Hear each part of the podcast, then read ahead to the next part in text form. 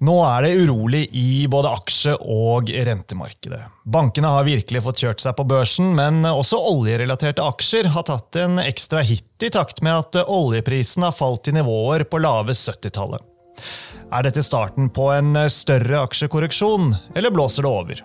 Vil den amerikanske sentralbanken prioritere finansiell stabilitet på kort sikt fremfor å bekjempe prisveksten? Og hvorfor har ikke investorene gått i panikkmodus ennå? Dette skal Pål og jeg snakke mer om i dagens episode, og vi skal også touche innom aksjer som Equinor, Skatek, Orkla, Ørsted og Vestas.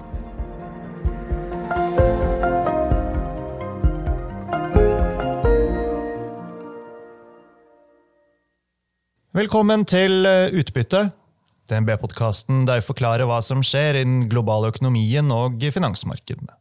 Jeg er Marius Brun Haugen, og med meg har jeg aksjestrateg Paul Harper. Hei, Paul. Hei, Marius. Ja, Det er litt eh, shaky nå, eh, og vi tar uroen eh, med største alvor. for å understreke det, Men samtidig så synes jeg det er viktig å si at vi ennå ikke ser tegn til skikkelig panikk. Altså, ta et eksempel. Børsmeglerne våre de blir ikke rent ned av investorer som trykker på salgsknappen. Nei, det går sånn eh, overraskende kontrollert, vil jeg si. En måte man kan prøve å måle dette på, er å se på VIX-indeksen. Så En slags tommelfingerregel der er at eh, det er ikke egentlig før den er over eh, sånn 35-36-nivå at du kan egentlig si at det er noe panikk. Så ofte så er det over, over 35-36. Da, da, kan det være et bra kjøpsanledning. Men når den liksom holder seg mer sånn høyt på 20-tallet, så vil jeg si det er mer sånn at ja, det er litt nervøsitet, men ikke noe panikk ennå. Nei da. Og så får vi ta et lite forbehold fra vår side. da Ting eh, endrer seg veldig fort om dagen, enten du ser til både aksje- eller eh, rentemarkedet. Det er torsdag 16. mars, klokken har passert 13. Vi sitter her og spiller inn eh, episoden. og Bakteppet for uroen i markedet det startet jo med problemer som kom til overflaten for et par av de amerikanske nisjebankene i slutten av forrige uke. Amerikanske myndigheter de var kjappe på ballen med støttetiltak, men uroen har jo spredd seg, bl.a. i den europeiske banken Credit Suisse, som falt over 20% onsdag denne uken. Og Credit Suisse har det jo for øvrig vært en del uh, uro rundt ganske lenge, men det blusset altså opp igjen nå. Og så har ikke vi tenkt til å gå mer inn på hva som er bakgrunnen for uroen enn dette. Det har vært mye skriverier om det nær sagt eh, alle steder denne uken, og vi har også sendt ut flere oppdateringer. Men vi skal heller uh, bruke dagens episode til å snakke mer om hva vi tror vil bli konsekvensene fremover. og det første spørsmålet Paul, til deg det um, er noe jeg tror mange lurer på. Enkelt og greit. Er dette her starten på en større korreksjon? Ja, altså Jeg tror selvfølgelig veldig vanskelig å gi noe sånn veldig konkret svar på, på det spørsmålet. jeg, jeg, tror man skal kanskje være litt optimistisk i forhold til det. at jeg, jeg tror ikke vi er i ferd med å få en større bankkrise her. Det er en viktig fordel nå, forskjell nå i forhold til eh, finanskrisen. Da det som liksom begynte å pipe litt frem i første omgang der, var problemer rundt eh, mortgage securities.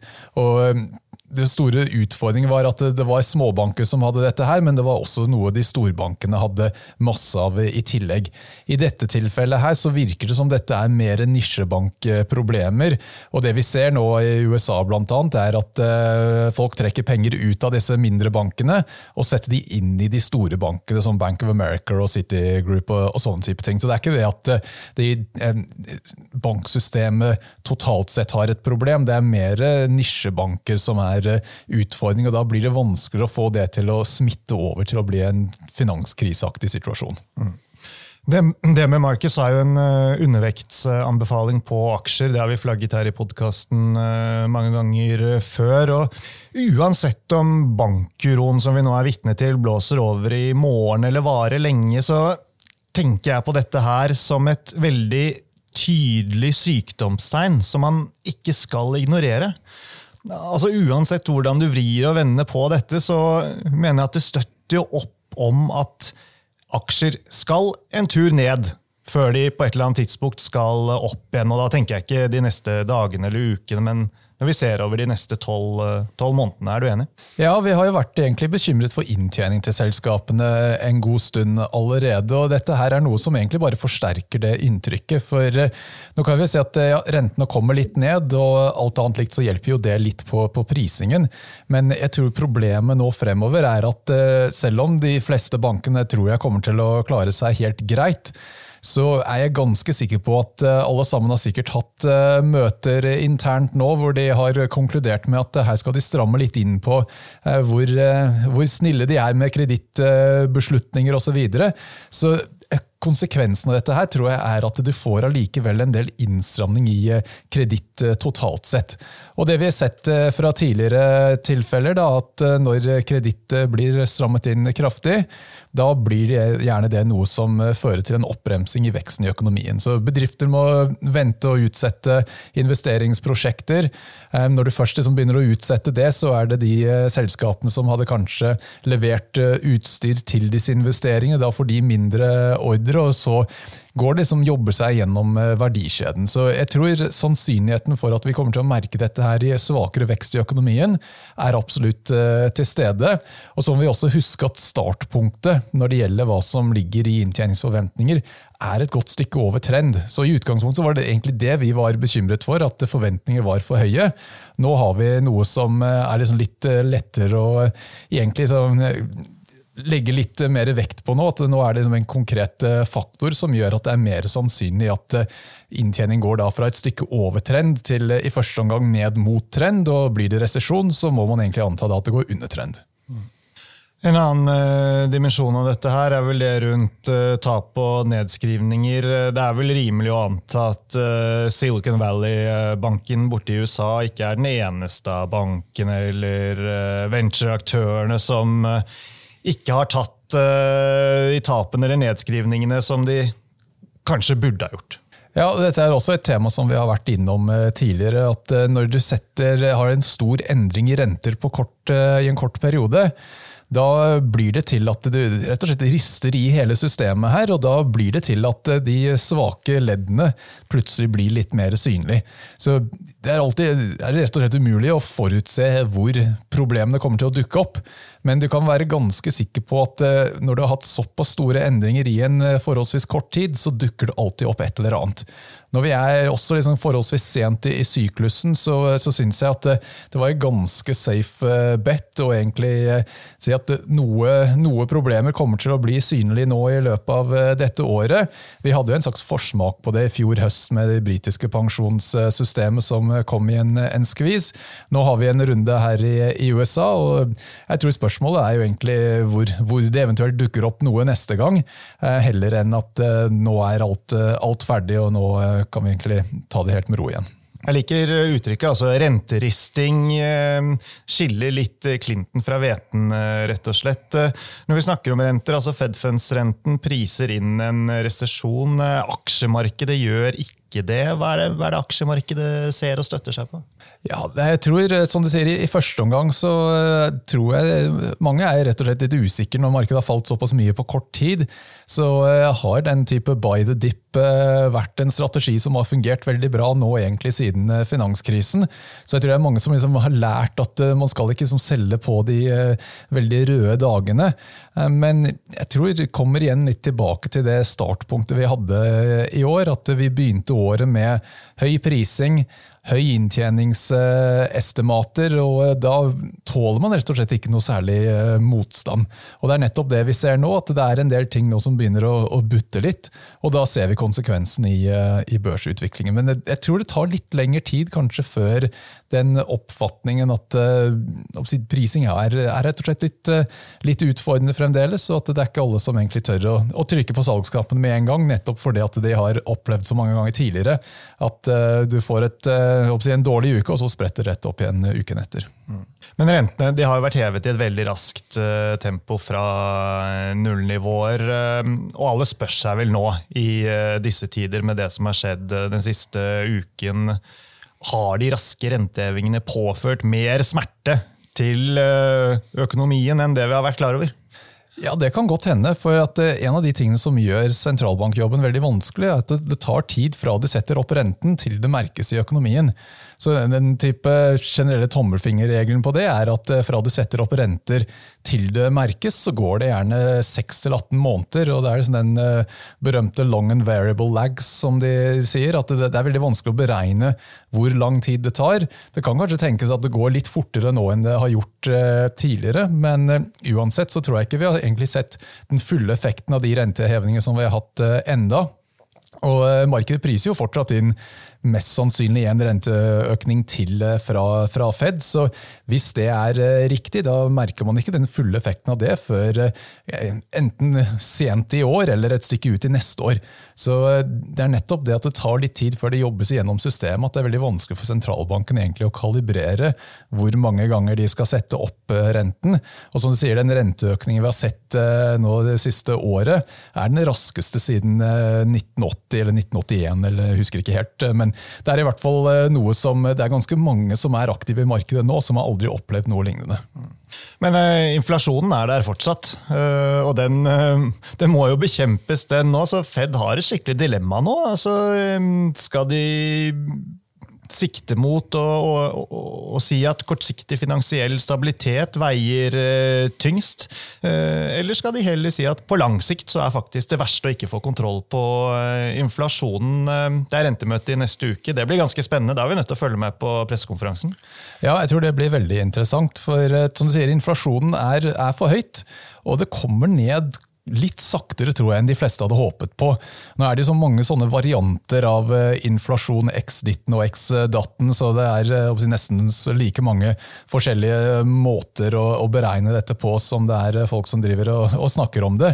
Men jeg tror uansett egentlig hvilken variant av disse inflasjonstallene du ser på, så er alle sammen eh, litt høyere enn er behagelig, og falltrenden er litt dårligere enn en håpet på. Så da, som du sier, Fed har en vanskelig situasjon nå. for hvis de ikke hever renten, da blir det litt snakk om ja, hva er det de vet som vi ikke vet. Er det en annen bank som er i ferd med å gå over ende, og de tør ikke å sette renten opp pga. det? Eller eh, hvis de setter renten opp, da, så eh, er det risiko for at de utløser nettopp en sånn type situasjon. Det er eh, sånn at Banker er til en viss grad en black box for, for alle som sitter utenfor her. For vi vet jo rett og slett ikke alle detaljene rundt hva de har i balansen, og hvor nærme de eventuelt er stupet hvis det er sånne type problemer. Så det er veldig viktig nå at Fed klarer å kommunisere godt. Hvis de ikke setter renten opp, så tror jeg de nesten må i så fall si at vi, vi, venter en måned, men vi setter det opp neste måned, med mindre et eller annet skulle dukke opp. De må i hvert fall gi en haukete vri på det hvis de ikke setter renten opp. Ja, for Hussynet her i DNB det er jo at eh, Fed eh, skal heve renten neste uke med en eh, kvarting. Men som du sier, det egentlige spørsmålet det er jo om rentehevingene er nær slutten eller ikke. Om det er rentekutt som istedenfor er nært forestående. Men men som sagt, altså, i, i, mitt hode så forstår jeg at rentekutt kan være riktig medisin, snarere tvert imot. Altså, da, da, må, du sier da må det være noe som er virkelig virkelig enda mer ille enn det vi tror. Ja, så Vi trenger ikke å gå tilbake mer enn en drøy uke, så var eh, diskusjonen om det skulle være 50 punkter eller 25 punkter eh, det var snakk om. Så det, det er jo, og I mellomtiden da, så har inflasjonen kommet eh, inn litt sterkere enn en ventet. Så jeg tror alt i alt så er nok 25 punkter det som er det, det riktige å gjøre med mindre det er nettopp det at det utløser en ny runde med panikk et eller annet sted. Ja, så hva gjør man da som eh, investor eh, nå? Nasdaq er opp 10 prosenters hittil i år. Teknologitunge amerikanske indeksen, altså. SMP er forsiktig opp 1 OCBX, hovedindeksen her hjemme, er ned et par prosent. Den amerikanske tiåringen ligger på rundt 3,5% og oljeprisen da, som sagt på rundt 73-74 dollar fatet. Så hva skal man gjøre, Pål? Skal man uh, kjøpe vekstaksjer, eller skal man kjøpe verdi? Er det syklisk eller defensiv? I går, onsdag, så var jo taperlisten stor. Da var jo så nær som alle aksjene i indeksen ned, med unntak av én. Orkla. Den holdt seg grønt på onsdagen. Ja, Orkla er vel kanskje den aksjen som gjerne blir sett på som mest defensiv på, på Oslo Børs, for du trenger mat egentlig uansett uh, hvordan det går. Telenor er jo en annen som har klart seg forholdsvis eh, bra den siste tiden. og du kan tenke deg at eh, jeg tror For de aller fleste eh, nordmenn i hvert fall, så er ikke mobilabonnementet det man kutter ut før man virkelig har gått tom for penger til alt mulig annet. Så Det er liksom de type selskapene som er minst påvirket av økonomisk sykel, som er det som klarer seg best. Det er egentlig det vi har anbefalt i år, å holde seg til de mer defensive sektorene nå i, i hvert fall en periode fremover. Og, og det er er utfordring at eh, når vi syns at eh, markedet er litt dyrt, og du ikke har noe sånn margin of safety, at det går noe galt, så, så er det nedside i, eh, i, det meste akkurat nå. Så skal man helst være mest mulig forsiktig og være mer opptatt av å ikke gå på en smell enn å være altfor grådig. Ja, Men det kan jo komme noen, eller det er jo kanskje noen muligheter også i eh, tech- og vekstaksjer. Da, men eh, da bør man være på alerten og ha kanskje et mer eh, kortsiktig syn på det? Altså, det, viktige her er at nesten uansett hva du ser på, at det er selskap med sterk balanse. Eh, som nevnte at eh, bankene kommer antageligvis til å være mye, mye mer forsiktige med utlån, og dette smitter også over i kredittmarkedet. Vi har sett eh, PGS annet har litt utfordring med den high yield-lånet de prøver å, å, gjennomføre nå. Så i det hele tatt så er finansiering noe som er vanskeligere å få til enn det var for ikke så veldig lenge siden. Så man skal helst holde seg unna de selskapene som er i en situasjon hvor de må gjøre noe refinansiering.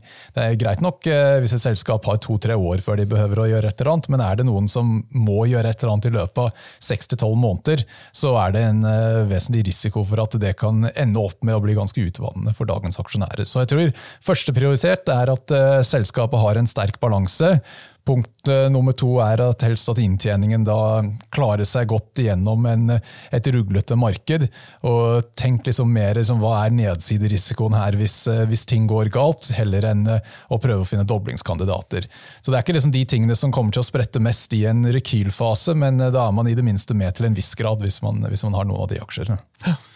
Laks har også klart seg bra denne uken. Der er vi fortsatt i en situasjon hvor eh, prisene er høye, rundt 120 kroner kiloen. Men usikkerheten her ligger jo i grunnrenteskatteoppdateringer som vi fortsatt går og venter på fra myndighetene, og som i prinsippet kan komme når som helst. Ja, så Laks er jo også et sånt type defensivt selskap. da Mat som vi sagt, er noe som man trenger uansett. Men det er jo den ekstra usikkerheten rundt akkurat eh, grunnrenteskatten, og det har gjort at eh, sektoren har blitt eh, mer attraktivt priset enn det var før. For det har klart å skremme utlendingene ut av disse selskapene, så prisingen har kommet ned en god del. Og som de sier, lakseprisene holder seg forholdsvis bra her, så jeg syns egentlig sånn ganske grei risk reward. Jeg tror ikke det egentlig er så um, veldig fremoverlente forventninger nå at det blir så voldsomt mye oppmykning, så det er jo eventuelt tilført en bonus hvis det skulle vise seg at det er en litt mildere variant enn det som er snakket om tidligere. Kan eh, denne uroen gjøre at flere blir fristet til å flytte penger eh, over i sjømatsektoren, eh, uansett utfall av grunnrenteskatten? Jeg har liksom vært litt inne på den type si, sell a rumor by the fact-situasjonen her. At det, bare det å få klarhet i hva status er, gjør at det da blir mye lettere å har litt confidence i prisingen. Så når du, når du, ikke vet hva rammene er, og eh, spesielt sånn som dette har blitt håndtert, hvor eh, du får eh, si, nyhetene via via og gjennom forskjellige avisintervjuer osv., så, videre, så så er det klart det, det, slår jo mye på prisingen at du, vet ikke hva du skal forholde deg til. Så når fakta er på bordet og du, du vet liksom hva status er, da er det mye lettere å egentlig ha litt, litt tillit til hva er riktig prising til, for, for sektoren. Så forhåpentligvis så er det noe som da kanskje kan gi litt litt bedre støtte til eh, aksjene også fremover. Olje- og oljeserviceselskaper har vært hyppig handlet av kundene våre i både fjor og hittil i år. Um, både kjøpt og, og solgt, avhengig av hvilke aksjer du ser på. Um, det oljerelaterte har jo falt en del siste uken. Er det kjøpsmulighet, eller er det for tidlig, Pål? Altså, ideelt sett så skal du vel sitte med oljeaksjer når man er på vei ut av en resesjon, men en sånn type timing vil jo alltid være krevende. Ja, det er litt sånn at uh, energi er ikke noe man skal ha når man er på vei inn i resesjon, for da blir jo etterspørselen etter olje dårligere. Og da merkes jo det i prisene, og det er jo nettopp det vi har sett uh, nå, spesielt den siste uken. Men jeg tror liksom på lengre sikt så syns jeg energi er uh, veldig spennende. For det vi har opplevd det siste året, at det er, uh, det er altfor lite energi av alle mulige varianter, både grønn og, og fossil. Så når etterspørselen da begynner å stramme seg til igjen på vei ut, så tror jeg det kan være et si, veldig spennende sektor å, å eie. Så selvfølgelig som du sier, det er veldig vanskelig å time bunnen her, så det er nok eh, fornuftig å prøve å liksom, average in litt. At man liksom, kjøper litt sånn gradvis, og så satser på at det da får litt, litt før bunnen, og så litt, litt, etter eh, bunnen. For disse bunnene er jo ofte V-formet når det først kommer, så det er veldig vanskelig å liksom, gjøre akkurat den timingen riktig. Skal vi gå over på et par uh, selskaper uh, avslutningsvis. Uh, tidligere i dag, torsdag, kom meldingen om at Equinor kjøper fem millioner nye aksjer i Skatec. De har jo en eierandel der fra før, og øker den altså med 3% Selger er et selskap relatert til styreleder i Skatec, Jon Andersen, så vidt jeg kunne se. Noe tolkning ut av dette, Pål? Ja, det, det, virker som det er mer opportunistic eh, fra eh, Equinor sin eh, side. Så de kjøper til lavere kurs enn det som var close-kurs dagen før. Så det virker liksom sånn i hvert fall styrkeforholdet er. Heller det at si, selgeren var mer ivrig enn kjøperen i dette tilfellet. Og jeg tenker Fra Equinors perspektiv så kjøper de på et nivå som jeg tror er det laveste siden en eller annen gang i 2018. Så jeg tror de tenker at det er en sånn ok bet å ta. Kjøpe kjøpe på såpass lave, lave kurser. Um, om, her, om, man skal tolke dette som et uh, skritt i retning at Equinor skal uh, kjøpe hele Skatek, er mye mer uh, skeptisk til, rett og slett. Det er selvfølgelig lett å lage en sånn type historie, men jeg tror egentlig Equinor og de føler seg egentlig ganske fornøyd med at de ikke økte beholdningen der for en stund tilbake, for eh, aksjekursen har jo vært eh, ganske trist eh, lenge. Ja, men La oss håpe de gjør det fordi de har et bra rasjonale for det, da, og ikke at de gjør det fordi de skal være politisk korrekte. Det er vel litt det markedet frykter generelt, da, at man skal investere i ting litt fordi man må, ikke fordi man ja, ja, jeg tror i akkurat Equinors tilfelle det er nettopp det at de har såpass sterk balanse nå at det liksom flyter litt over med cash. og Hva er det de egentlig skal eh, gjøre med dette? Og jeg tror En av de tingene som investorene virkelig har satt pris på, er at eh, frem til nå i hvert fall så har de da valgt å betale mye av dette ut eh, som utbytte og tilbakekjøp av aksjer, og betalt ned det meste av det de har i gjeld. Ehm, så liksom bear case i Equinor, har, i hvert fall en del av det, har vært nettopp det at de har kommet til å bruke opp penger pengene på ulønnsomme grønne investeringer, og at det da kommer til å sørge for at du egentlig da ikke skaper eh, verdier som eh, I hvert fall tidligere så har jo ikke Equinor hatt den beste track record når det gjelder eh, oppkjøp, så jeg tror liksom det, er, det er grunnen til at mange er litt skeptiske til, til oppkjøp fra Equinor.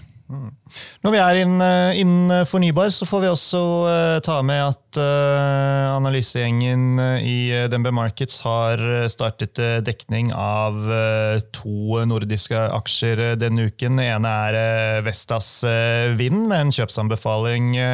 kursmål 240 danske kroner. Og så har vi Ørsted, som er den andre, med en salgsanbefaling og kursmål 470 danske kroner. Og for sistnevnte så uh, mener uh, analytikerne vel rett og slett at uh, prisingen er for høy. Ja, det er litt eh, vanskelig selvfølgelig å, å, prise den type aksjer. Men eh, det er sånn når det gjelder eh, vindkraft, så, så, er det ikke så lønnsomt som kanskje mange, mange tror. I hvert fall ut ifra noen av de debattene hørt i det siste, så skulle du tro at dette her var en, en gullgruve. Men det er nettopp eh, det at den type investeringer, mye av disse grønne investeringer, de, de har ikke egentlig noen sånn spesielt høy return on capital. Så det finansieres med gjeld til en lav rente, og så har det gått sånn i pluss nettopp fordi at renten har vært veldig lav. Men nå når vi kommer inn i en periode hvor kanskje renten egentlig strukturelt skal være noe høyere, så blir en god del av disse prosjektene rett, rett og slett ikke så voldsomt lønnsomme, og da blir prisingen vanskeligere å regne igjen. Nei, og Når det gjelder kjøpsanbefalingen på uh, Vestas, så uh, erkjenner vi vel absolutt at uh, første halvår av 2023 er og ser ut til å være krevende, men langsiktig så ser det ut til å være et veldig bra potensial her, som analytikeren mener Vestas er godt posisjonert for å gjøre det bra i, også relativt. Ja, så jeg synes ofte det er liksom bedre å, å, heller kjøpe selskap som eh, si, lager utstyret til prosjekter, eller eh, bidrar til å bygge ut eh, prosjekter osv., heller enn de som eier prosjektet.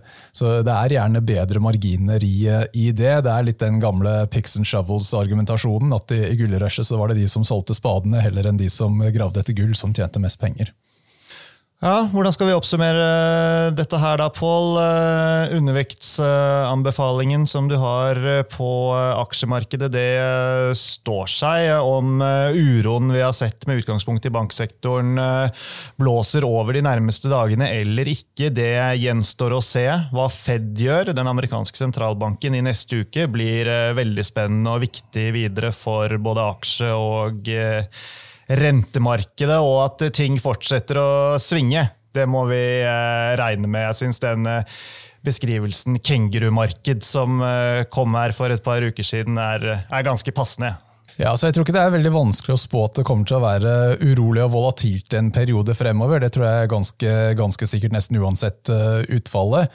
Og på lengre sikt så er vi mer skeptiske her med at vi tror ikke prisinga har kommet nok ned til at du egentlig får ordentlig betalt for den risikoen eh, du tar akkurat nå. Så fortsetter å ha undervekt eh, anbefaling, men absolutt ydmyk for at eh, de neste ukene så er egentlig alt mulig rart plausibelt. Så det er ikke sånn at man skal liksom legge alle pengene i potten, at ting skal bare klappe sammen med en gang. Det kan godt hende at det kan bli en solid bear market rally hvis det først kommer noen positive nyheter og sentralbankene klarer å håndtere disse rentemøtene godt. Men det er det at når når støvet kommer, eh, si, blir litt, litt mer i ro igjen, så er det i en situasjon hvor blir det ikke resesjon, da skal antageligvis disse rentene videre opp igjen.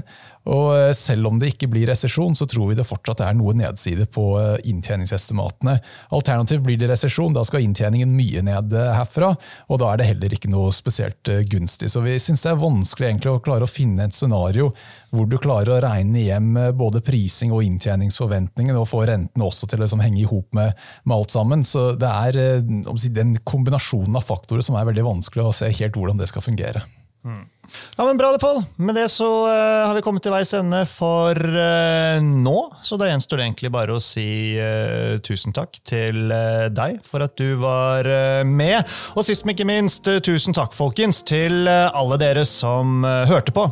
Og liker du podkasten, så vil vi veldig gjerne at du legger igjen en kommentar eller gir oss en hyggelig rating. Og dersom du har ønsker om gjester vi skal invitere, temaer vi skal ta opp eller aksjer vi skal kommentere, så kan du sende oss en mail på utbyttepodden at dnb.no.